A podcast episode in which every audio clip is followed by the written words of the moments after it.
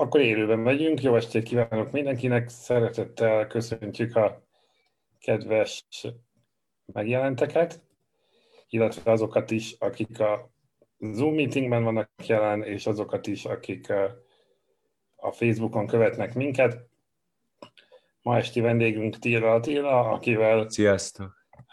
Alejandro González Iñárritu Birdman, avagy a mellőzés meglepő ereje című filmjéről fogunk beszélgetni. Én Sergőzi András vagyok a filmtekercs.hu-tól.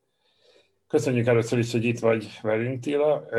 Hosszú forgatási nap után még így este vállaltad hát a... igen, én tulajdonképpen elnézést szeretnék kérni, hogy a 8 órára volt meghirdetve, csak azt már egy hete beszéltük meg Andrissal, és pont ma forgattam Pécsen, halott pénzzel, Marsalko Dáviddal, a Propaganda című portréműsorunk, és sajnos megcsúsztunk, de, de tényleg elnézést, de most itt vagyok, már visszaértem Pécsről, most már mehet. Uh, úgyhogy uh, reméljük, hogy mindenki meg tudta nézni a filmet is előtte, mit Ilával mindenképpen megnéztünk, és mindketten arra jutottunk, hogy ez uh, újra nézve még talán jobb is volt, mint, mint előtte, vagy először. Úgyhogy picit beszélgetünk ezekről a dolgokról, elsősorban magáról a filmről, és még arról is, hogy te rád hogyan hatott, te hogyan gondolkodsz ezekről a dolgokról, egyáltalán mi a te kapcsolatod ezzel az egésszel.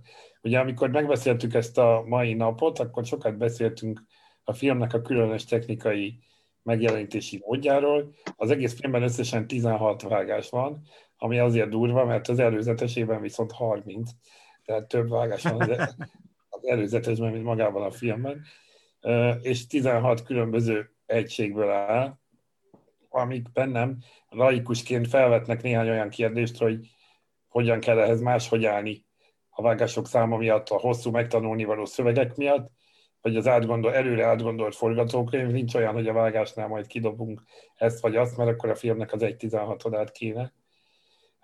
Tehát, hogy hogyan kell egy ilyen, te ugye nem forgattál még ilyen hosszú snittekből, ilyen hosszú snittekből filmet, de azért talán komolyabb rálátásod van arra, hogy hogyan kell máshogy állni egy ilyen filmhez, ami ilyen technikai háttérrel készül.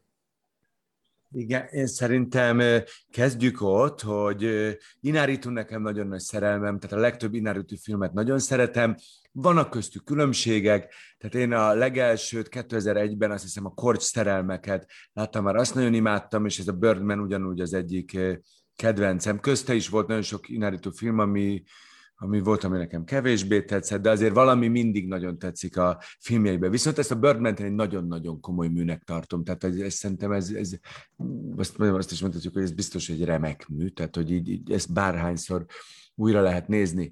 Ha a kezdetektől vesszük, akkor Azért az feltűnő, hogy az Inaritu az ugye mindig másokkal ír. Iszonyú fontos az írócsapat számára, ez az első filmjeinél is így volt, tehát az írott anyag az egy olyan tervezés nála, ahol tulajdonképpen szerintem már majdnem, majdnem megszületik a műnek a minősége. Tehát olyan szintű forgatókönyvekkel dolgoznak, amiket szinte már nagyon nehéz lenne elrontani. A Birdman esetében azért érdemes megegyezni, hogy egyébként négyen írták. Tehát összesen négy író van, ami viszonylag soknak számít a, a, így a játékfilmben, de, de volt ennek értelme, mert itt patika mérlegen ki van mérve minden. Tehát tulajdonképpen egy olyan szerzői filmet nézünk, ami a szerzői filmnek a személyességével, a, a különböző ilyen mainstream jellegű megoldások és hatások kikerülésével egy nagyon karaktercentrikus, nagyon emberi, nagyon így pszichológiailag és minden, mindenféleképpen hát egy ilyen, egy ilyen igen, egy, egy, egy, egy, egy nagyon, nagyon emberi látásmódból megszerkesztett műről beszélünk, miközben annyira meg van szerkesztve az egész, és annyira tökéletes dramaturgiailag, hogy egy klasszikus hollywoodi filmnek a dramaturgiája is megjeleníthető benne. Tehát nagyon szépen betartja azokat a inkább a nagy mainstream muzik által használt effektusokat, vagy dramaturgiai fordulatokat, amik amikre mondhatjuk azt, hogy széles körben van egy tapasztalat a filmkészítők részéről, hogy azért, hogyha ha tudjuk, hogy mi a főhősnek a célja az elején, hogyha tudjuk, hogy, hogy 10 percenként kell valaminek történni, valami fordulatnak, ha tudjuk, hogy mit jelent egy ilyen sidekick karakter, az Edward Norton, tehát egy segítő karakter, ha tudjuk, hogy a karakterekből pontosan mennyit kell beadni, hogy ne vonják el a figyelmet a főszereplőről, de gazdag karakterek legyenek ők is, ha tudjuk, hogy mit jelent az, hogy omoljon össze egyszer a dolog a főhős kapcsán, legyen egy ilyen midpoint, amikor megfordul az egész, legyen a végén még meglepetés, tehát legyenek csavarok, stb., akkor ez mind ráillik a birdman Valójában a Birdmanben az a lenyűgöző, hogy majdnem receptszerűen készül el ennek a filmek szerintem a forgatókönyve, de mégis nagyon eredeti. Tehát nem azt érzed, hogy itt valami sablon munka történik, hanem, hanem eszelősen jó karakterek, és nagyon-nagyon jó szerintem az egész anyag.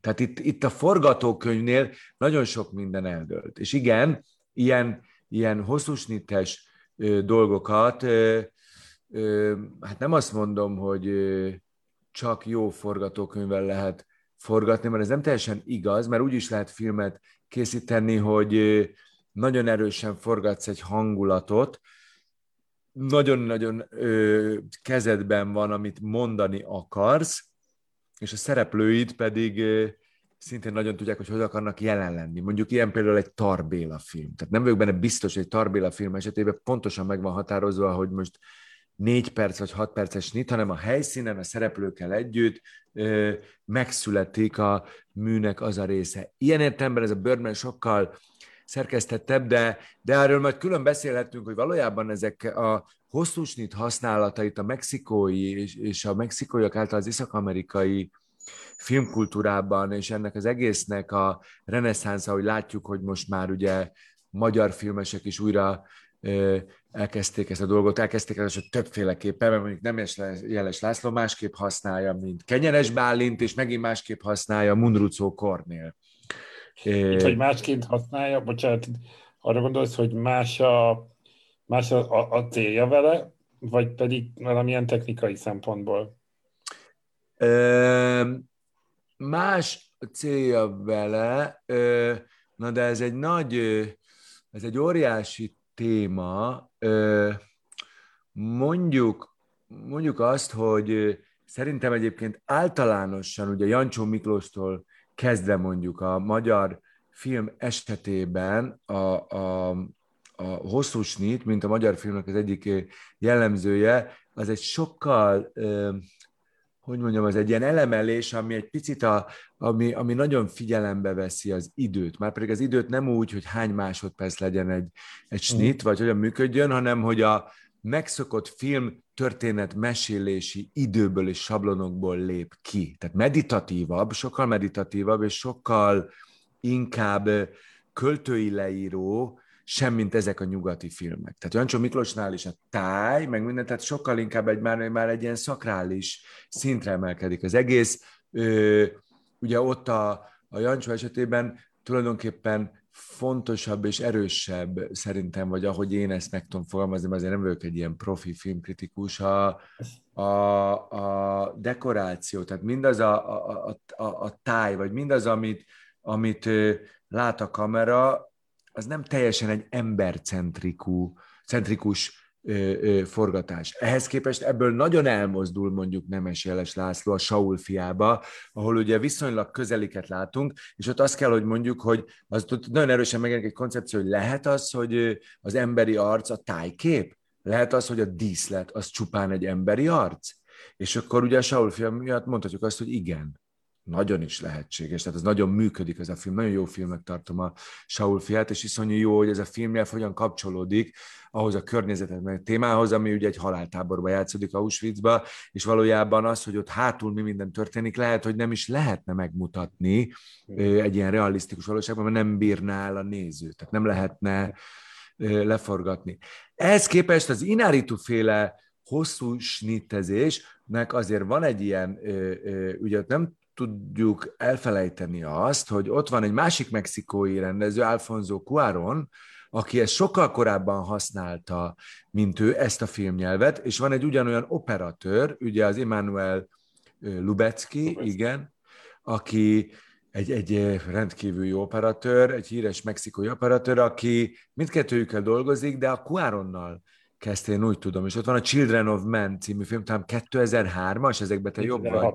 2006-os. 2006-os, de azért Inárító 2006-ban még szerintem a Babel című filmjével molyol, vagy nem tudom, ami ugyanúgy egy ilyen sok szálon futó dolog, mint a korszerelmek, aztán a 21 gram, aztán a Babel, tehát ez egy jól meghatározható korszaka az Inárítónak, és aztán ott szakít azzal az író társával, és szakít ezzel az egész sok szereplős, mozaikszerű történet meséléssel, tehát ott, ott, ott, ott, ott megunja ezt, vagy rájön, hogy fókuszáltabb akar lenni. És érdekes módon ott nagyon erősen átvesz dolgokat a Cuarontól. Szerintem. Tehát ez ilyen tagadhatatlan. Aztán, hogy így hogyan hatottak egymásra, hogy ugye a magyar film esetében is van egy ilyen együttállás érdekes módon, például pont Tarbéla esetében Tarbéla és Fehér György nél, és hogy ki kezdte előbb, stb., de azt gondolom, hogy szerintem egyébként Tarbéla, vagy Tarbélának volt mindig egy ilyen jól látható, erős viszonya minden filmben kül, ehhez a filmnyelvhez, ami nem egyfajta, tehát az ő filmnyelve is változik egyébként, filmről filmre, de hogy az Inárító esetében egy nagyon nagy változás történik. És ugye a, a, az, az ember gyermek, a Children of Man, meg aztán a Gravitáció, a Gravity című Quaron filmekben ez tökéletesen látszik, hogy itt a hosszú snit azért egy technikai truváj is. Tehát így a kelet-európai vagy a magyar, magyar film esetében a technikai truváj az nem volt annyira látványos, még akkor is, hogyha ez megtörtént. Nem volt ezzel kérkedve, vagy nem volt ez, ez, ez, ez nem volt kiemelve, magyarul nem volt ennyire látható, láthatóvá téve. Egy kicsit, kicsit szervesebb volt a történettel, vagy a történet mögé húzták, vagy nem is tudom, mondom, más, más, egy picit más az íze, de mondjad András, hogy te jobban értesz ezekhez szerintem, hogy te mit gondolsz erről. Kicsit talán, mint hogyha itt a film nyelv részeként sokkal, sokkal inkább maga, maga lenne a történet. Tehát, hogy, hogy nem, nem, nem igazán tudom ezt megfogalmazni, de hogy, de hogy sokkal, ez a film, ez sokkal nehéz, kevésbé lett volna talán elképzelhető ilyen hosszú snittek nélkül, mint, mint az általad is említett magyar példák. Mármint a Birdman? Igen. Hát amikor Igen. jól sikerül valami, akkor sajnos visszafele már nehéz megjósolni, hogy, hogy mi lett volna jobb, mert lehet, hogy is működött van, de mivel ez nagyon jól működik így, ezért ez... De azt mondom, hogy itt van egy technikai truvájkodás, és itt mégis megjelenik az idő, csak másképpen. Ez nem ennyire meditatív idő, hanem ez ilyen valós idő. Itt ők mindig azzal játszanak, hogy ez most történik. Ez most történik, és azért nem vágjuk el, mert azt szeretnénk mutatni, hogy ez, ez nagyon erősen az életbe bele van szögelve, ez az életből táplálkozó történet, ami, ami lehetne teljesen ö, valóságos. Tehát még a Children of Men, ez egy science fiction, és ott ugye olyan technikai truvályok vannak, hogy CGI-jal, ugye amikor köpködik a labdát, mondjuk az autóba, meg, meg szóval nagyon sok olyan technikai vágás van benne, meg trükk, uh-huh. ami, ami így feljavítja a mozit. Ez a Birdmanben is van, tehát ezt Inaritu is használja, ugye egyre jobban jönnek ezek a fikciók, egy kicsit ad az elején, amikor lebeg a főszereplőnk a Michael Keaton, és aztán utána mozgatja a tárgyakat, és utána már, jön, már jönnek a katonák, már minden van, tehát van a T-boynak egy ilyenfajta fokozása a trükkök szerint, de én is azt gondolom, hogy ebben a filmben, ami, amiért ő ezt a formát választhatta, hogy nagyon szeretett volna úgy ott lenni, és mindenütt ott lenni. És ne feledjük, hogy azért egy ilyen hosszú snitnél ők is van, hogy bejárnak két-három emeletet, meg átmennek tereken, tehát egy viszonylag szűk helyen játszódó mozi, egy helyszínes mozi szint, tehát alig lépnek ki belőle. Az ilyen típusú kameramozgások segítik megpörgetni a történetet, mert mindig történik valami.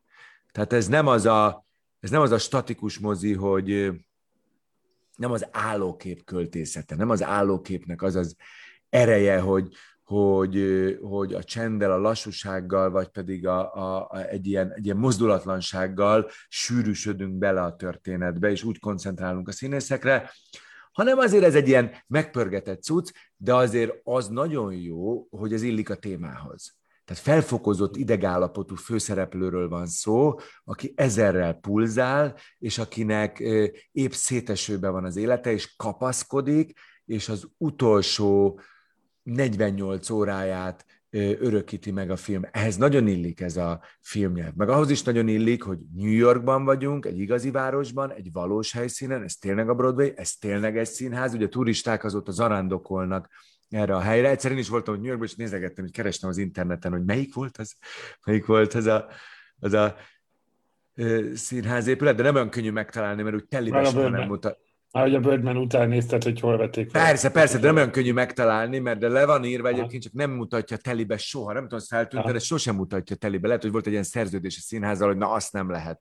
Nem lesz egy ilyen bélyeg ezen a színházon, hogy hanem mindig csak a vagy a bejáratát mutatja, vagy föntről, vagy de hogy ugye ez egy nagyon-nagyon valós életközeg, ami létezik, és fontos eleme ennek a történetnek, hogy ez tényleg lehetne egy amerikai színész története Amerikában most vagy akkor 2015-ben, hiszen ezért emlegetnek igazi neveket, a Scorsese-től elkezdve a több, több színészt is megemlítek az elején, hogy kiket lehetne meghívni, Persze, Robert Downey Jr., mindenkinek munkája van, Robert Downey Jr. épp vasember, három vagy nem tudom mivel forgatta, ezzel is így megalázzuk a főszereplőt Michael keaton hogy neki ilyen szaftos, jól fizető munkái már, már nincsenek, szóval, szóval ez egy nagyon-nagyon jól kitalált és a valóságból megírt történet. Yeah. Tehát Michael Keatonnek itt fontos szerepe van, hogy azért egy kicsit ő a saját életét is vására viszi, és szerintem ez is a film erőssége. Tehát Abszolút. olyan karaktert játszik el, ami összecseng az ő saját életével. Saját karrierjével, igen. igen. Még talán pont el is hangzik, hogy, hogy 92-ben, amikor a Birdman utolsó részében szerepeltem, Batman, 92-ben volt neki a Batman utolsó része, ami után neki alapvetően megváltozott a karrierje. Egy kicsit még mielőtt belemennénk a Keatonnek a karakterébe, mert talán ez érdekes, ugye itt rátérhetünk magára a történetre, vagy arra a tényre, hogy hogy, hogy ugye az előbb is említett három inyárító összefüggő film után volt még a, a Beautiful, ami szintén egy európai... Javier Bardem, igen. Bardemmel Barcelonával, és utána ez egy éles váltás azért. Tehát, hogy vajon, most ezt lehet, hogy utána kellett volna ö, olvastam az akkori fogadtatásnak, de hogy, hogy amikor, amikor ö, egy kívülről jött rendező, aki persze a világszerte addigra már ismert volt, elmondja, hogy Amerikában hogy megy a köldöknézés. Tehát, hogy nem, nem, nem, bennem volt egy olyan félsz akkor a filmben, és az első megtekintéskor inkább ez volt bennem erős, hogy jó, hát ez a szakpának lehet, hogy fontos, hogy hogy, hogy, hogy néznek ki a szín, mellőzött színészek, de hogy ez engem Európában miért érdekeljen. Nem lehet egy ilyen, egy ilyen olvasata, most kicsit az ördög ügyvédjeként is mondom, hogy, hogy, Én szerintem azért nem, mert ez ennél egy jobb film. De szerintem ennél ez egy sokkal jobb film, pont a Michael Keaton karaktere miatt is, meg azért, amiről beszéltünk, hogy ez nagyon-nagyon jól van megírva. Ezt a főszereplőt az első pillanattól kezdve érezzük, és szeretjük. Imádjuk, ahogy leveszi a Pepit, hogy az se, imádjuk, hogy az Edward Norton leiskolázza egyből, imádjuk, ahogy küzd a menedzserével, stb. Tehát ez egy igazi, húsvér, borzalmasan jól megírt karakter, akit csak imádni lehet. Tehát ez, a leg, ez, ez egy óriási színvonal, amikor úgy csinálsz egy drámát, egy ember úgy rohan a vesztébe, hogy az tragédia, tehát sírni, sírni kéne, és közben nevetsz. Tehát, hogy zseniális szerintem, ahogy, ahogy így összecsúszik a két műfaj, a dráma meg a vigjáték. Ehhez nagyon kell a Michael Keatonnek a fazonja. Tehát nagyon jól megírták neki, de egy idő után szerintem ő is még adott adalékokat az életéből, és fölvállalta azt, hogy ő sok szempontból egy bukott ember, vagy hollywoodi szempontból bukott ember. Nyilván, hogyha van egy malibui házad, amit te be tudsz adni a bankba, a jelzálogíterre, hogy legyen egy színházad a Broadway-en, az magyar szemmel nézve igen, csak jó pénz. Tehát mi ezt nem ismerjük, hogy mi, hogy van neki, egy bukott ember, de van két és fél milliárd forintja így egy ilyen, a telek annyit ér, és a, tehát nyilván ezt nem értjük, de az ő szintjén, tehát aki tényleg a, azért ne felejtjük, hogy Jack Nicholson volt a Joker, amikor ő volt a Batman, tehát volt egy pillanat, amikor ő volt a csúcs, és ugye a, az ő madárember tudatalatti énje, ami mély hangon beszél, a régi Batman hangon, az mindig mondja neki, hogy szard le a többieket, te egy globális hős vagy, kit érdekel, mit mond egy filmkritikus, kit ez bejön 600 ember, téged 6 millió ember nézett a mozikba, egész Japán sorba állt, egész tehát hogy ez iszonyú jó, hogy ez ezzel az őszintességgel benne van, és hogy a Michael Keaton az felvállalta azt, mert egyébként ez nem biztos, hogy olyan egyszerű. Tehát azért képzeljük el, hogy színészek vagyunk, nem megy annyira a szekér, és egyszer csak azt mondják, hogy figyelj, akkor vállalt föl, hogy te már egy vesztes vagy, és úgy legyél vesztesből nyertes. Ezt amikor már ezt a csatát megnyertük, akkor mindig nagyon könnyű azt mondani, hát ez tök egyszerű, hát ez a recept, hát ez a John Travolta, ez a mit tudom, minden ezt kell csinálni, és de ez nem olyan egyszerű. Tehát ennél egyszerűbb út, mint a Matthew McConaughey, meg, meg talán kicsit a Brad Pitt is, akik azt csinálják, hogy fut a szekér, és annyira okos színészek, vagy annyira látják a saját életüket és karrierüket, hogy elkezdenek tudatosan olyan forgatókönyveket és rendezőket választani, amivel tulajdonképpen átpozícionálják magukat egy mainstream sztárból egy ilyen Oscar-díj esélyes, vagy akár mm. Oscar-díjat is megnyerő, karaktereket iszonyú meggyőzően megmutató nagy színészé. És ezt, mikor még fut a szekér, még egy-két ilyen, ilyen beach boy-t elvállalva, egy, hogy jöjjön be pénz, és ebből a nyugodt lelkiállapotból megszerkeztik az újjászületésüket, és ez sikerül. Most azért Michael Keaton az nem ez. Nyilván voltak szerepei, meg stb., de Michael Keaton senki nem foglalkozott a, a Birdman előtt. Tehát nem tudtuk, hogy mit csinál. Lehet, hogy valami sorozatba volt, mert mindenkinek jut valami munka Amerikában, de hát nem de Mickey Rourke, hogy lehet, hogy azért az, az, az ott az ő, ő korábbi Batman szintjéhez képest olyan nevetséges pénzt fizetett, hogy az valójában az ő környezetében eltitkolni való ö, volt. Tehát Ináritu megmenti, tehát Michael keaton azt fölemeli újra egy óriási polcra rakja. Ugyan ő nem kapta meg az Oscárt, se ő, se az Edward Norton, tudod, ők jelölve vannak, négy Oscárt kap a Igen. film, de hát az akadémia úgy döntött, hogy, hogy legjobb film, tehát mint a produkció, mint a mű, a producerek, ugye, akik összehozták, az írók, akik ilyen zseniálisan megírták, és az Inaritu kapja, mint rendező, aki ilyen csodálatosan megrendezte ezt a, ezt a dolgot, de, de, de ami te mondtál, hogy, hogy ez egy ilyen amerikai, meg köldögnézős, nem. Szerintem az nagyon fontos, hogy Inaritu bármit csinált, a kevésbé sikerült filmjeiben is mindig az bemutatja, hogy nagyon ért az emberhez. Tud figyelni az emberekre, az emberek belső világát, a karakterek belső világát meg tudja mutatni belülről is. Tehát, tehát az egy nagyon jó rendezői tulajdonság, hogyha nem csak technikailag rendezel meg egy filmet, meg nem az van, hogy a, az építőkockákat, meg mindent összeraksz, kirakod a puzzle és készen van, és átnyújtod, hanem, hanem azt úgy rakod össze, hogy, hogy mondjuk ha alánézel, vagy hogyha röngen szemmel belenéznél, vagy hogyha pszichológiailag belenéznél, akkor is rendben van, azt érzed, hogy, hogy, hogy, hogy van szív, tehát hogy van szív, meg van, szoktuk ezt is mondani, tudod, amikor már annyira össze, az okosság, meg a szív, meg minden annyira összejön, hogy vesére hat a film. Szóval Birdman is ilyen, hogy a, a vesét szórakozik. Tehát valami nagyon belső, zsigeri öröm szája meg szerintem a, a nézőt, és ez az kell, hogy az első pillanattól kezdve menjünk a főszereplővel, és ez kell az inárító. Ezt néha félreértik, hogy ez nem úgy van, hogy a színész ö, jön, és akkor egy zseniális színész ezt megcsinálja, ha nincs mit megcsinálni, ha nincs karakter, meg hogyha a rendező nem mond olyanokat, hogyha nincs úgy terelgetve. Hát igen, tehát ez nincs úgy összerakva, mert azért mégiscsak a rendező a külső szem, ő látja egybe. Ő tudja, hogy mikor mi a sok, mi a kevés. Hogy lehet mikor lehet egy picit elereszteni a dolgokat, lehetünk egy kicsit lazábbak, mikor kell feszesebbnek lenni, mikor van a legfontosabb jelenet. Ezért minden filmben vannak fontos és kevésbé fontos jelenetek. Azért azt nem árt tudni, hogyha ha épp a kulcs jeleneted van, hogy azt úgy maximálisan jól kell megcsinálni. Ezt nem biztos, hogy a színész is tudja, mert nyilván próbálnak, meg készülnek erre, meg az a jó film, ahol a színész is szerintem így, így ilyen értelemben is benne van a buliba, hogy ő már készül arra, és tudja, hogy mit kell csinálnia, de, de ez egy nagyon-nagyon ö, emberi dolog, és az összes többi karakter is. Én az Edward Norton imádom, én azt a másik színészt is imádom, azt a borzadályt, akinek lámpa esik az elején a fejére, és pereli, tehát az a, az a Super Niemand, imádom, hogy az igen, Edward Norton... Igen. Emma Stone nagyon Emma jó. Emma Stone-nak ez a kiegészítő karaktere, igen.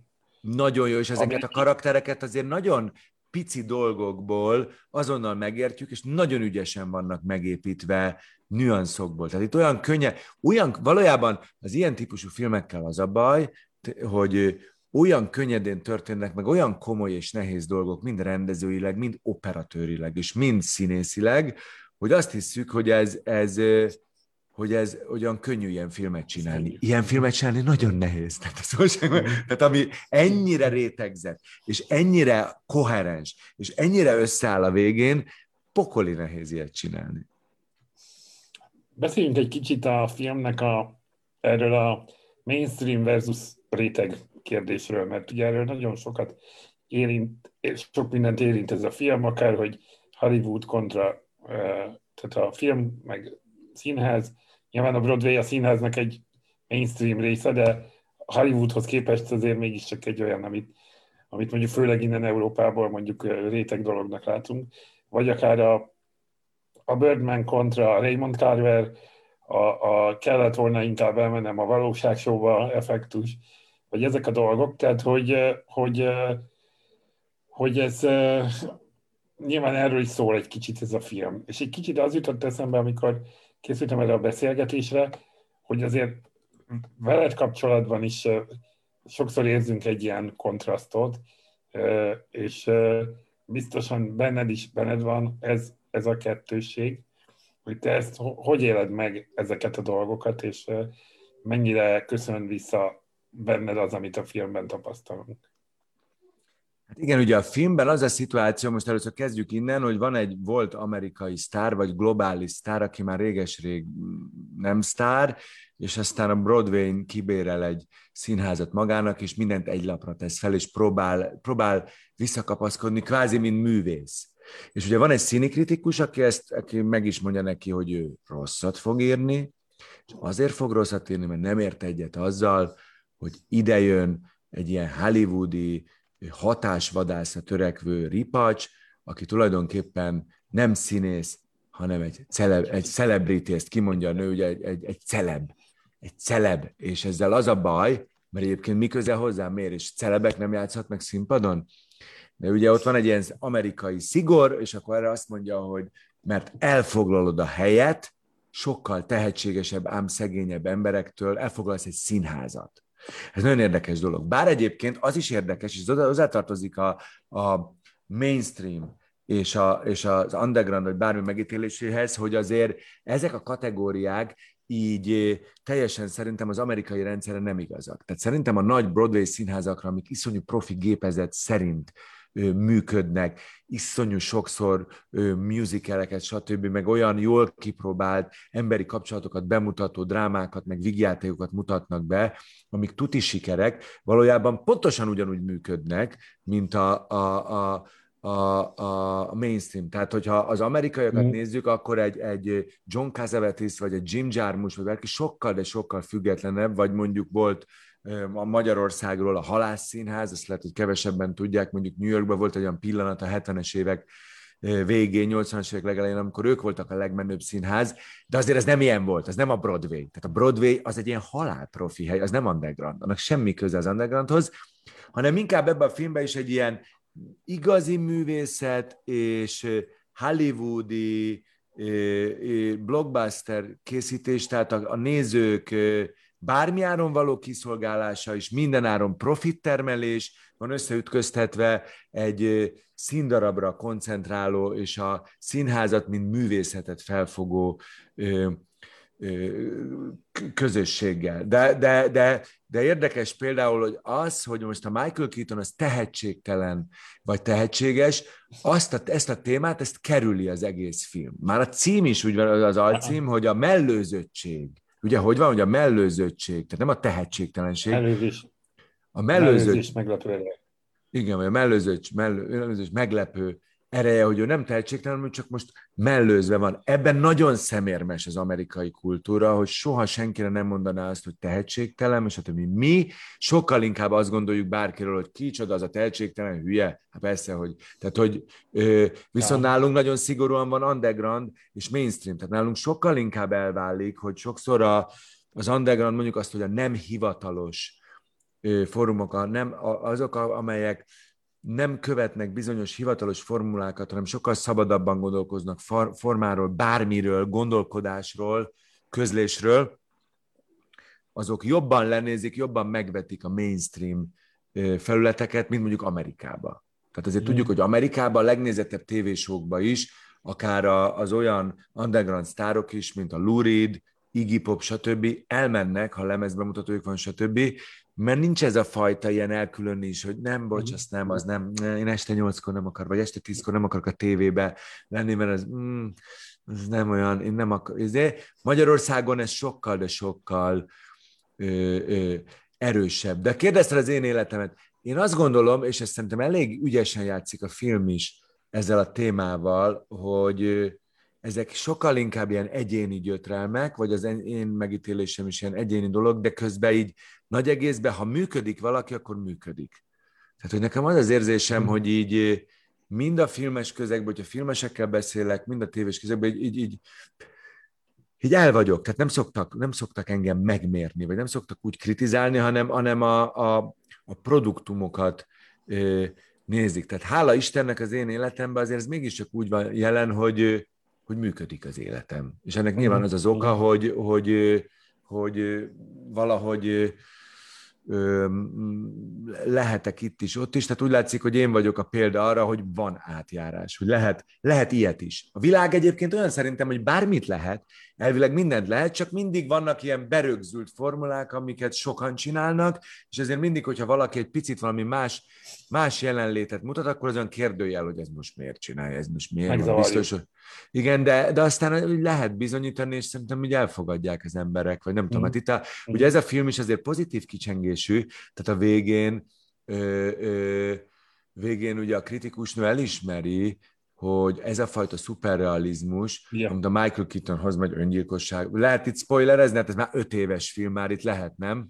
Igen, most úgy veszik, hogy a filmet együtt néztük meg. Igen, tehát az, hogy öngyilkosságot követel a végén, és ezt szuperrealizmusnak hívni, ez mondjuk persze ilyen, ez megint egy kicsit ilyen amerikai, tehát ez, ez lehet, hogy ilyen, ez, ez, ez, ez már az, ez is az abszurd része, mert azért valaki meghal egy színpadon, az nem szuperrealizmus, hanem az tragédia, de teljesen mindegy és, és azt mondja, hogy mi egy olyan igazi vért hozott az amerikai színházba, vagy a Broadway-re, ami vérre szüksége van, nem tudom mióta, ez egy óriási dicséret, az igazság pillanata, amiben, amiben ezt az egész két órán keresztül szenvedő Michael Keaton karaktert végül is fölemelik.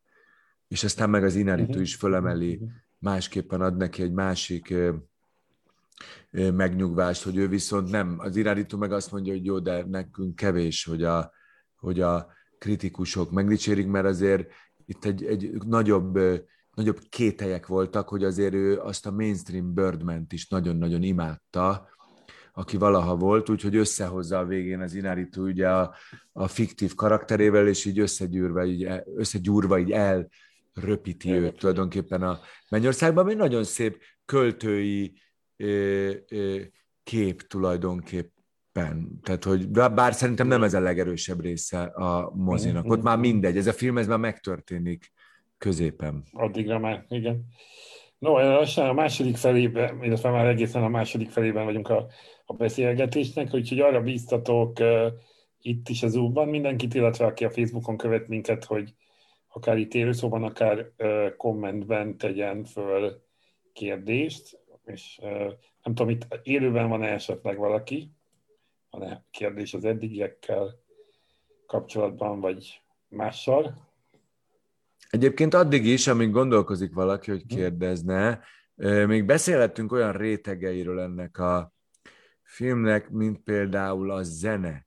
Tehát az is nagyon fontos, és ezért Igen. mondom, hogy ezért nem olyan egyszerű azért egy Inaritu film, hogy ő belebújik ebbe a dologba, hogy hogy ugye olyan, általában nagyon sokszor olyan ilyen improvizatív jazz dobot használ, mert egyébként nem végig, de azért alapvetően az egy ilyen ö, aláfestő zene, és aztán meg is mutatja azt ugye, ott be is rak egy dobost a színházban, és többi, ami nagyon New York, nagyon New York jellemző, és valójában az is egy érdekes felület, mert ez nem is mainstream, meg nem is underground, hanem valami, de közben mégis egy, a jazz önmagában, meg ez az egész bebop, stb., ami ugye a 40-es, 50-es években tombolt ott a leginkább New Yorkba, és aztán emiatt köthető New Yorkhoz, az egy nagyon-nagyon, nem csak egy erős sajátosság, hanem egy nagyon komoly identitás. Tehát ezt nem lehet akármelyik városhoz kötni, és ezek az afroamerikai dobosok, akiknek ez tulajdonképpen egy ilyen életforma, és akik ebben valóban a legjobbak,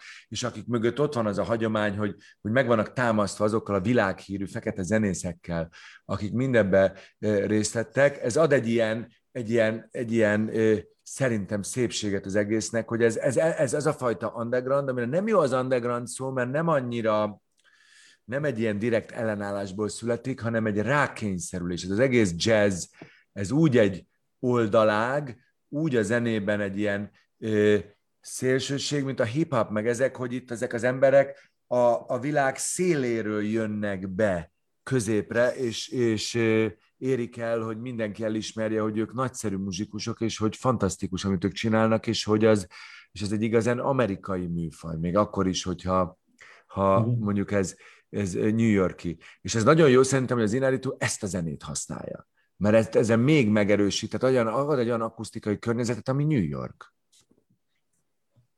Tehát ez is, ez is egy nagyszerű ö, ö, felülete, meg esetleges, tehát az olyan gyönyörű szöveteket dobolnak, hogy ezek kicsit ilyen, ezek ilyen meglévő struktúrák, amik esetlegesek, mert improvizálnak, és benne van a lüktetés a dobosnak, az épp a kedve, a hangulata, tehát nem, nem valószínű, hogy egy-egy dobtételt kétszer eljátszanának ugyanúgy. És ez nagyon, nagyon illik a Michael Keaton főszereplő idegállapotához, ahogy, ahogy kapaszkodik, és valószínűleg ő sem tudná most ezt a darabot kétszer egyformán ugyanúgy eljátszani. Tehát ő a összeszedett, és amúgy másképp tébolyult Edward Nortonhoz képest, ő, ő, ő vibrál zsizseg, mint ez, így duruzsol az egész, mint, mint ezek a dobszólók. Említetted már a, a, a kritikus nő karakterét, és ez, ez egy kicsit olyan sztereotíp módon rejátszik ez a film is erre a, a dologra, a, a filmes versus kritikus kérdéskörre, amire én, mint kritikus így általában ugrok, hogyha ezt, ezt látom, hogy a filmek a kritikusokat, mint a fő antagonistát mutatják be, a, ne, a negatív karaktert. Nekünk tetszett, nagyon, nagyon jól van megformálva. De hogy te viszont egyszerre vagy újságíró és filmes, tehát hogy, hogy, hogy, hogy, hogy látod ezt a kérdést? Ez, Úgy látom ezt a kérdést, hogy a, kriti, a filmkritikusoknak is, és a film esztétáknak is van ö, több szintje. Van, van az, amikor az ember kritikát ír, és, és mondjuk azzal a, ugye ott Amerikában ez még inkább fontos, hát a film is kiemeli, hogy ami a New York Times-ban megjelenik másnap, az van. Na most ez eleve, és itt jön a lényeg, hogy én azt gondolom a kritikusokról, hogy bárki bármit írhat. Azt gondolom a filmesztétákról, hogy bárki bármiről írhat elemzést, nagyon is jó. Itt akkor válik érdekes a dolog, amikor azt tesszük észre, hogy a kritikus kezében hatalom van. És ez a film is ezt mutatja be, hogy van egy ember, akinek hatalmában áll másokat elkaszálni. És az már egy nagyon meredek téma, mert akármilyen felkészült egy filmkritikus, az nem biztos, hogy, hogy, hogy jogában áll neki egy maga meghatározni a művészet történetet. De hát mindenütt jelen van a hatalommal való visszaélés az életünkben, mindenütt jelen van az, hogy, hogy, hogy ez van, meg tényleg vannak annyira okos filmkritikusok és filmesztéták, hogy érdemes rájuk hallgatni. Azt egy picit én erősnek tartom a, az amerikai és ezenből a New Yorki kultúrában, hogyha a New York Times-ban jót írnak, akkor te vagy, és onnantól kezdve, tehát addig félházzal megy a cucc, elolvassák a New York Times-ot, azt, azt mondták, hogy te egy jó művész vagy, akkor onnantól kezdve te sztár vagy, és onnantól teltházzal megy minden. Ha azt írják, hogy ez nem jó, folyamatosan elfogy, és megbuksz. Ez ilyen művész, ilyen szerzői szemmel, ez tragikus. Tehát ez, ez, ez borzalmas kiszolgáltatottság, hogy ennyi múlik egy műs. Mi van akkor? Hányszor volt a művészetben olyan, hogy, hogy valakik sokkal a koruk előtt jártak, és nem értették meg, hogy mit csinálnak, és aztán ők lettek a legnagyobbak. Lásd, Van Gogh a festészetben, vagy mit tud, számtalan példát lehetne mondani. Tehát, hogy ez, ez nagyon-nagyon igazságtalan, és, és erről van is szó. Erről van szó ebben a filmben, és ebben a Michael Keaton is e, erre van bepöccenve, hogy, hogy, hogy, hogy miért kell őt, miért kell őt tulajdonképpen ilyen helyzetbe hozni. Az egy más kérdés, hogy az is érdekes ennek a filmnek a dramaturgiájába, hogy ennek a nőnek a jelenléte is kell ahhoz, hogy a Michael Keaton elmenjen a falig, tehát öngyilkos legyen, tehát hogy totál kiboruljon. Tehát, hogy a hisztériája, a félelmei, a kínlódása, a, a, a, a tényleg a lehetséges féltehetsége, vagy bármi így, így, így összeálljon, összegyúródjon egy ilyen tűzgolyóvá, és aztán az berobbanjon a lehető legjobban. Tulajdonképpen a kritikus nő gonoszsága is kell ehhez. Tehát ő is egy plusz adalék, aki a, aki a megfelelő irányba löki a főhős. De, de szóval nagyon nehéz dolog ez a filmkritika. Ami még érdekes, ide tartozik, ugyanúgy a filmfesztiválok világa, hogy a filmfesztiválok hogyan jelölnek ki irányzatokat, irányokat, amelyek beket aztán nehéz szétrobbantani, hogy ehhez hogyan asszisztálnak filmkritikusok, hogyan tartanak fenn egy ilyen státuszkot, hogyan, hogyan határozzák meg, hogy ez még a kultúra, a hivatalos kultúra, ez meg már olyan futottak még kategória is, egyáltalán nincs mindig igazuk. Erre tudok egy nagyon jó példát mondani, nem tudom, hogy te szeretted de azt a Cannes filmet, német filmet, hogy Tony Erdmann. Ó, nagyon, igen imádtam. Na, ott például pont fordítva történt, hogy ott van egy nagy múltú fesztivál, a világ legfontosabb filmfesztiválja, a Cannes Filmfesztivál, ott ül a zsűri, és normális esetben a zsűri, ugye szépen ugyanúgy, ott is megjelennek minden nap a kritikák, és megnézik, hogy a Variety, meg az összes világhírű filmes szaklap hány csillagot ad egy adott műnek. És azért általában, akit agyon dicsérnek, az szokott lenni a fődíjas, vagy valamit, az biztos kap. Most ehhez képest itt fordítva sült el, a Tony Erdmantól az egész szak sajtó el volt ájulva, mindenki imádta. A nézők is imádták. Végre egy vicces német film. Végre egy nagyon emberi film. Iszony, olyan jelentek vannak benne, szerintem lenyűgöző, az is egy remek mű, lenyűgöző az a film, az, az szerintem egy csodálatos mű, és nem kapott semmilyen díjat. Mert nem, okay. tehát, tehát, tehát most ez, ez, nem, ez, nem, ez nem hülyeség. Tehát, hogy ilyenkor nem kéne egy tükörben nézni, hogy, hogy, hogy biztos, hogy ez a szent zsűri, ez, ez akkor jól döntött. Tehát, hogy akkor ez, ez, és akkor ők meghatározzák, és azért az szerintem nem mindegy. Tehát a Tony Erdman szerintem az egy olyan film, aztán utána volt persze Oscarja is jelölve, de lehet, hogy az Oscárt is már azért nem kapta meg, mert nem egy Kánni fődíjas film lett. Tehát, hogy azért ezen nagyon sokat lehet ártani. Tehát, hogy annak a hmm. filmnek is ártottak. Jó, persze mondhatjuk, hogy hát nem mindegy, hát már ott volt a Cannes Filmfesztiválon, nem elég az? De elég. Én nagyon boldogan megelégednék ezzel, de ha meg már ott vagy, akkor meg már, és mindenki jót ír, akkor már hagy nyerjek is, tehát akkor egy másik, ez egy másik szintről szól. Szóval nagyon érdekes ez, ahogy így, ahogy, de ugyanez az Oscar díj, az akadémia működése, hogy ezek ugye, ami állandó botrány, a fehér bácsik megmondja, a fehér idős bácsik megmondják, hogy mi a film, ez most már próbálnak variálni, meg hogy fogalmuk sincs egy csomó filmről, tehát úgy beszélnek kulturál, vagy úgy döntenek dolgokról, hogy nem, egy csomó filmet nem is ismernek, amire szavaznak, hogy európai filmet pláne nem, mert nem jutott el hozzájuk, csak egy-kettő. Tehát az nyeri meg tulajdonképpen a, sokszor a, a, a, a, a legjobb külföldi film kategóriát, amiről legalább tudnak. Tehát amiről azt mondják, hogy ja, azt már hallott, azt mondták, hogy az jó. Tehát, hogy Szóval nehéz világ ez, nehéz világ ez, tehát abban nincs igazad, Andris, hogy szegény kritikusok, és tényleg ez a nő is csak jót akar. Nem, ez a nő nem jót akart, hanem ő valamit, ö, ö, valamit ö, olyasmi dolgokat őriz a filmbéli karakter, amit nem kell őrizni, meg nem kell ilyen örlángnak lenni, hanem nyitottan kell hozzáállni mindez, és meg kell adni az esélyt bárkinek. Előbb nézzük meg, és aztán majd meg lehet mérni, nem? Ám a kritikusoknak is van lelke, meg, megváltozott, bár ha figyelted, ő volt az első, aki a taps elején fölállt és kiment a igen, mert az egy kis finom volt az Inaritunak, hogy Igen. az egy finom kis karakterábrázolás. Mondom, az Inaritu nagyon jól lett a karakterekhez, hogy, hogy annyira megrendült a nő, hogy ő, ő, egy, ő egy rossz dologra akart beülni, annyira megrendült attól, hogy ez valójában jó, hogy, hogy ez, ez annyira szíven ütötte, hogy fölállt és kiment. Kiment, ez nem bírt telenek a nem tudott önfeletlenül, nem bírt telenek a súlyát, hogy végre valami nagyon jót látott. amit, amit nem ő jelölt ki jónak már előre. Tehát érted?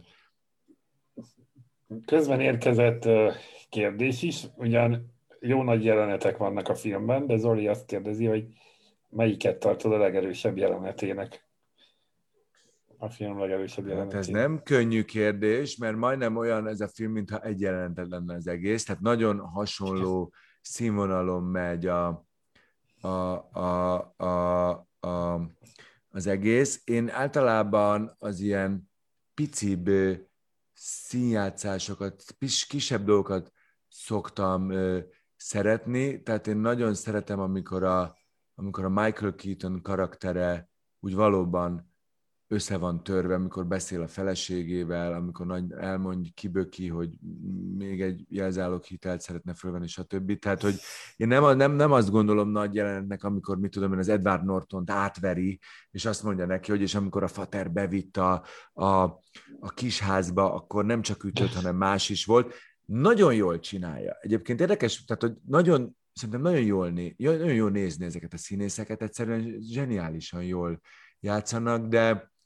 de én, én azt szeretem a legjobban, amikor azt látom, hogy teljesen belül marad a játék, és mindenféle faxni, meg, meg amikor nem látom a formát, csak azt látom, hogy annyira megyek vele, hogy nagyon jók vannak, de nagyon szeretem az Edward Norton, meg, meg a Emma Stone beszélgetése a tetőn, az is nagyon jó. Edward Nortonnak elképesztő. Az például, azok a nüanszok, azt imádom, hogy az Edward Norton azt is képes némán eljátszani, amikor a film vége felé jó lesz a, a, a, a Michael Keaton, mert már nagyon éles, amikor a legvégén bejön, nagyon-nagyon uh-huh. élessé válik, és olyan szép, hogy az Edward Norton így hátrébb lép a, a jelenlétével, és ahogy, ahogy nem csak eljátsz, hanem tényleg úgy, úgy, úgy, úgy van jelen, hogy, hogy ez most a tied, most te vagy, ez te vagy a legjobb, most, most nagyon jó vagy minden szempontból, most, most rád kell ö, figyelni nagyon jó. Humorban én imádtam, amikor az Edward Norton először jön meg, és a Michael Keaton is találkozik, hogy nézzünk, persze, tudom a szöveget, nézzünk, tudod a szöveget, adjak egy példányt? Nem kell, mondj egy ilyen, honnan, mondjuk 20. oldal, vagy mit szeretnél? Várjál, de hát mi van a 20. oldalon, és ő nem tudja, tudod, ő, az ő darabja, de ő nem tudja fejből az egészet, az Edward Norton meg már fejből tudja az egészet, és kioktatja, Kicsit nézd meg, hú, ez tényleg jó. De hogy ez jó. És akkor mondja, mondja a menedzsernek, hogy hát, hát ez, egy, hát ez megvan muszáj, muszáj őt leszerződtetni, vele meg lesz a darab, annyira cuki, szerintem annyira szerethető, annyira... Igen, szóval az az igazság, hogy ez a fajta hős, és ez a fajta karakter is egyébként az elmúlt húsz évben azért sokfelé megjelenik, divatba jött, ez, ez, ennek mindig van egy korszaka, ez tulajdonképpen egyfajta kisember, nagyon erős hétköznapisággal, és egy nagyon-nagyon átlagos tulajdonságok felemelésével, amitől viszont hirtelen azért válik eredetivé, mert, mert, mert szeretjük, hogy szeretjük, hogy tehetségtelen, szeretjük, hogy átlagos, szeretjük, hogy, hogy kistílű, és ez, ez, ez, ez, ez mindig jól működik. Tehát ez egy ilyen fordított hősképzés. Tudod, amikor nem az van, hogy a hősöd az sok minden dolgot tud jól, vagy nagyon sok olyan pozitív tulajdonsága van, ami, amit, amit mi is becsülünk az életben, hanem azért itt elhangzik egy csomó minden, hogy a családjával nem foglalkozott, hogy valami nem tudom milyen színésznőcskét megdugott azon a kanapén, amikor kérdezi a feleségével, ez a csupa ilyen izé van, ilyen, ilyen anomália az életébe, hogy a lányával sose törődött, a lánya ugye az abszolút szét van esve, füvezik, egy függő, egy mit tudom én, tehát ennek, neki minden szempontból darabokban, vannak az éle, darabokban van az élete, és mégis ezt a típust nagyon tudjuk ö, szeretni. Számtalan példa van erre a filmben, de, de, de olyan látszólag mondjuk a Birdman-től kicsit messzebb álló dolgok, mint mondjuk a Nagy Lebowski, vagy bármi, az, az hasonló mm. karakter. Tehát ez ugyanez a, mm. Ugyanez a kicsit, nem is kicsit, ez a loser, loser hős típus. Úgyhogy nem tudom, nekem nagyon-nagyon tetszett az egész, nagyon-nagyon rengeteg jelenet tetszik benne. Mondom, mm. jó nézni, hogy játszanak, hát ez, ez, ez egy nagyon-nagyon minőségi jó színjátszás. Elnézésen kérdeztek egyet? Itt egy kérdés pillanatról. Ö, azt szeretném kérdezni, hogy mit gondoltak a, a, legvég, a legvégéről, az endingről, amikor ugye azt kellett a Michael Keatonnek, hogy, hogy megszeressék a kritikusok, hogy fejbe lövi magát, de ezzel ő valóban kiteljesedette művészetileg, és a végén, amikor felrepült és nézte az Emma Watson, az, vagy nem Emma Watson, vagy Emma Stone, az ö, mit, mit szimbolizálhatott valójában? Hát én mondjam, vagy te mondod, Andris? Több értelmű a dolog. Szerintem többfajta értelmezést is megenged ez a film. Szándékosan az ilyen típusú vég azért az sose egyértelmű. Mondjuk azt, hogy ez egy nyitott és eléggé költői vég. Az én olvasatom, de ez lehet, hogy csak az enyém az az, hogy meghalt, viszont nem akart az inárító, vagy nem akart egy szimpla halált, nem akart egy ilyen görög tragédia hőst csinálni, aki a csúcsponton meghal és eltűnik, hanem egy, hanem egy ö, sokkal költőibb ö, eszköztárral tulajdonképpen így, így belehelyezte őt, nem csak a természetbe, ott vannak a madarak, repül, madárcsicsergés van. A repülésről nem csak a madarak, meg az állatok jutnak eszünkbe, hanem az, hogy felszállunk a mennybe. Ez tulajdonképpen egy sokkal finomabb kifejezése a halálnak, mint hogyha mutatta volna realisztikusan, hogy egy ember fekszik a színháznak a, a, a, a, a pallóján, és, és, és megy a vér, és megy a vér, és megy a vér. Tehát tulajdonképpen itt a film egy olyan ilyen mágikus realizmusba, vagy nem tudom mibe, tehát ezt már nem is tudom meghatározni, hogy olyasmi dologba megy át, az előtte levő 1 óra 53 perc elég realisztikus világából, amikor ugye tudtuk, hogy ez, ez játszódhatna itt New Yorkban is, és hirtelen ez a realizmus teljesen átváltozik, és bejön ez a inkább nem annyira az észak-amerikai filmesekre, vagy az amerikai filmesekre, hanem sokkal inkább a, a mexikóiakra, vagy, vagy más nemzetek fiaira jellemző ilyen bátor, bátor, ö, látomásos, ö, allegorikus, mit tudom én, ilyen, ilyen bármit mondhatunk erre, tehát átmegy egy ilyen mesébe. A, hát ez a... hasonló, mint a Taxi Drivernek a vége.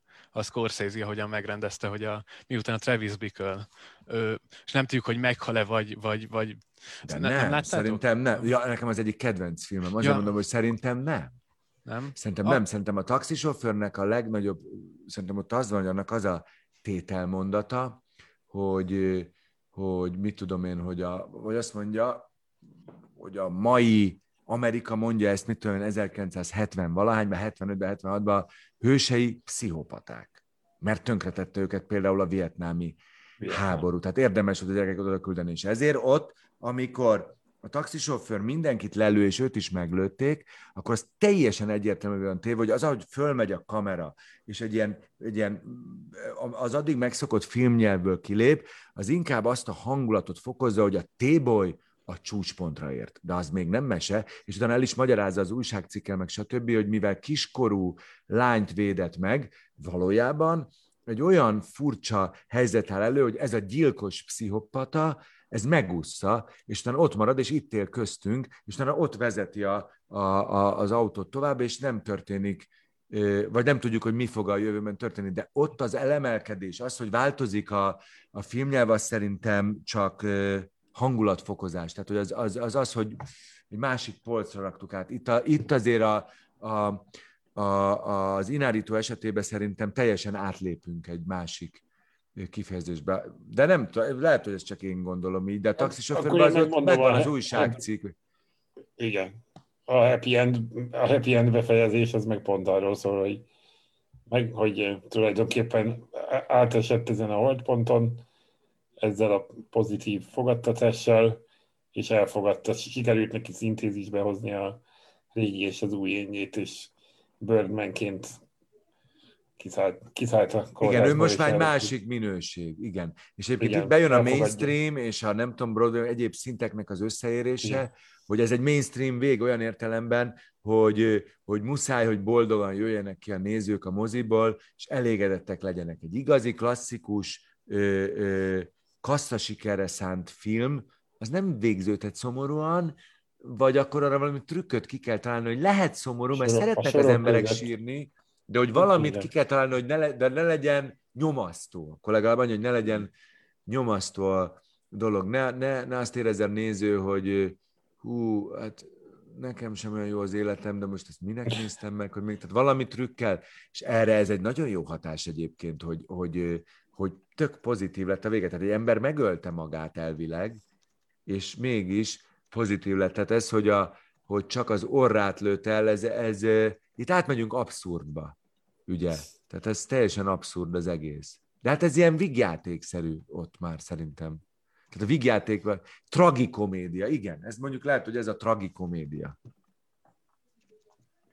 Hát legyen ez a vége. Le- lehet még egy utolsó kérdésre talán van időnk. Ha itt van, akkor innen. Ha nincs, akkor... Nekem, bocsánat, még lenne egy kérdésem, igen. hogy, hogy az merült fel bennem, hogy ez a, ez a kritika, vagyis ez a kritikus, hogy, hogy ez nem egy kritika a kritikusokkal szemben, ugye, hogy valahol, ahogy ugye el is hangzott, hogy egy tragédiát emel föl, és hogy ez valahol a, a, a művészetet, hogy ugye, nem tudom most rendesen kifejezni magam, csak hogy hogy ez, ez, ez nem, hogy igen, hogy egy tragédiát nevezünk mi úgymond ilyen, ilyen magas művészetnek, hogy, hogy ez így nem a kritika a kritikusok ellen. Érthető valamennyire? De ez is abszurd szerintem, tehát hm. ezzel tulajdonképpen azért úgy odasóz egyet a kritikusoknak, hogy ne neked ez tényleg lelövi magát az, az ember, és neked ez a, és akkor ez meg már művészet? Tehát igen, addig, igen, amíg... hogy ez, igen, ez a, ez a, ez a mi érdekes. Tehát, hogy hogy, hát uh... igen, de hát ez az álszentségről, a hamisságról és sok mindenről szól, ilyen értelemben ez a rész így próbál erre rá világítani az innen, hogy mit kell tenni azért, hogy ezek is elfogadjanak. És ez be... betudható a vígjáték kategóriának, mert ez is egy kérdés bennem, hogy én ezt végig nem vígjátéknak néztem ezt a filmet, vagy vígjátékként néztem ezt a filmet, és utána sem. És most is úgy beszélünk róla, hogy abszurd, és hogy vagy beszéltek róla, hogy abszurd és vígjáték, hogy akkor ez lehet egy olyan elem, amitől úgymond egy kicsit vígjáték-szerű, vagy... Szerintem itt keveredik mindennel. Aha. Bocsánat, csak eszembe egy gondolat, hogy nem mm. feltétlenül kell beskatujázni egy filmet egy ö, konkrét zsánrába, szerintem. Ez egy megint a, a Hollywoodnak a... csak. Igen, igen, ez tipikus Hollywood, hogy megmondjuk, hogy mi és mi lehet, és milyen keretek között mozoghat. Szerintem, ha valaki, egy művész teljesen ki akar teljesedni, akkor az, az ö, olyan zsánrához ö, ö, mi az, kapcsolt elemeket használ, amilyeneket csak akar, és nem kell, nem kell pontosan beskatujázni. Igen. Hát igen, na most ez úgy van, hogy szerintem egyébként ez egy dráma, uh-huh. valójában, amiben rengeteg humor van. Az, hogy hogy van hangszerelve egy dráma. Miért ne lehetne benne humor? Miért ne nevethetnénk közbe? De azért úgy szerkezetét tekintve egy dráma, tehát van egy drámai hősünk, aki halad a vége felé, aki, aki elkövetett hibákat életébe, vagy aki áldozata valaminek, és úgy próbálja megoldani a dolgokat, de látszik, hogy ezen már nem bír el, ez már sok neki, és aztán valahogy tragikus módon tudja megoldani, drámai módon tudja csak elérni a, a, a sikert. Az a baj ezzel, hogyha ráírják, hogy dráma, szerintem ezek a, a, több műfajt is azért szokták kírni, mert, mert ez egy nagyon-nagyon kegyetlen dolog már megint a filmeseknél, vagy, vagy minden egyéb ilyen művészeti területen megvan ez, hogy ha kiírják, hogy dráma, akkor a nézőközönség felét elvesztették, mert nagyon sokan csak vígjátékot akarnak nézni. Ezért szokták kérni, hogy dráma, vígjáték, mit tudom, és a végén már... Válasz, igen, válasz tehát, hogy ez egy ilyen nagyon nehéz, nagyon nehéz dolog, de ez, ez olyan értelemben azért nem vígjáték műfajilag, hogy nem azzal a szándékkal van megírva és előadva, mondjuk egy igazi vígjátéknál, pláne egy amerikai vígjátéknál, nagyjából két percenként poén van. A történettől független poén is. Tehát, hogy ha kell, akkor bemond egy viccet a főhős, vagy, vagy leesik a, a járdáról, burleszk van, minden van, csak hogy te egy ilyen meghatározott ritmus szerint neves, neves, neves, az legyen a, egy ilyen ha-ha-ha egy ilyen nevetés terápia legyen az egész filmnek a megnézése. Ez, ez, ez a Birdman, ez, ez, nem, ez, ez dráma. Ez dráma felől van elképzelve, csak jó, én ennek örülök, hogy van humora. Szerintem itt sokkal könnyebben fogyasztható, meg nem csak azt, hanem így még jobban szereted a karaktert. Azért ezt a, ezt a mm. Michael Keaton karaktert humor nélkül nem tudom, hogy lehetne szeretni. De hát a humor itt nyilván az, hogy leveszi a pepiét, meg mit tudom én, de ez nagyon aranyosak, én ezt nagyon bírom. Igen. Jó, hát köszönjük szépen, hogy... Én is köszönöm, gondoltam, mindenkinek kellemes húsvéti ünnepeket.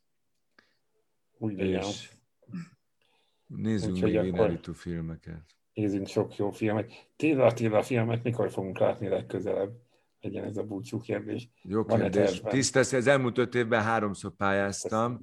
Mind a három pályázatomat kidobták, vagy ilyen, ilyen-olyan fázisba, de befejeződött. Nem könnyű a filmfinanszírozás ma Magyarországon. Van, akinek könnyű, többségnek nehéz. Nem tudom, most azon ügyködök, hogy nulla forintból hogy tudok filmet csinálni. Nagyon igyekszem, mert már nagyon szorongok ettől, és szóval ez egy, ez egy nagyon nehéz műfaj, hogy akkor is kell filmet csinálni, hogyha nincs rá pénz, de azért, hogyha van pénz, akkor egy kicsit olyan nagyobb társaság van körülötted, akkor csak jobban alakulnak a dolgok, de hát ez, ez egy, ez egy, ez egy nagyon-nagyon milyen helyzet. Nagyon sok rendezőt, szerzőt érint ma Magyarországon sajnos. Nem tudom, igyekszem. Ötletem volt, meg, meg filmtervek voltak, forgatókönyveket folyamatosan írok, de ez egy másik kérdés, hogy miből lesz film. Reméljük azért látni fogunk majd addig Reméljük. is szép napokat, jó munkát. Én is mindig rácsodálkozom, az élet harc, de sajnos az. Szevasztok, kellemes ünnepeket! Köszönjük. Sziasztok, szia Andrés!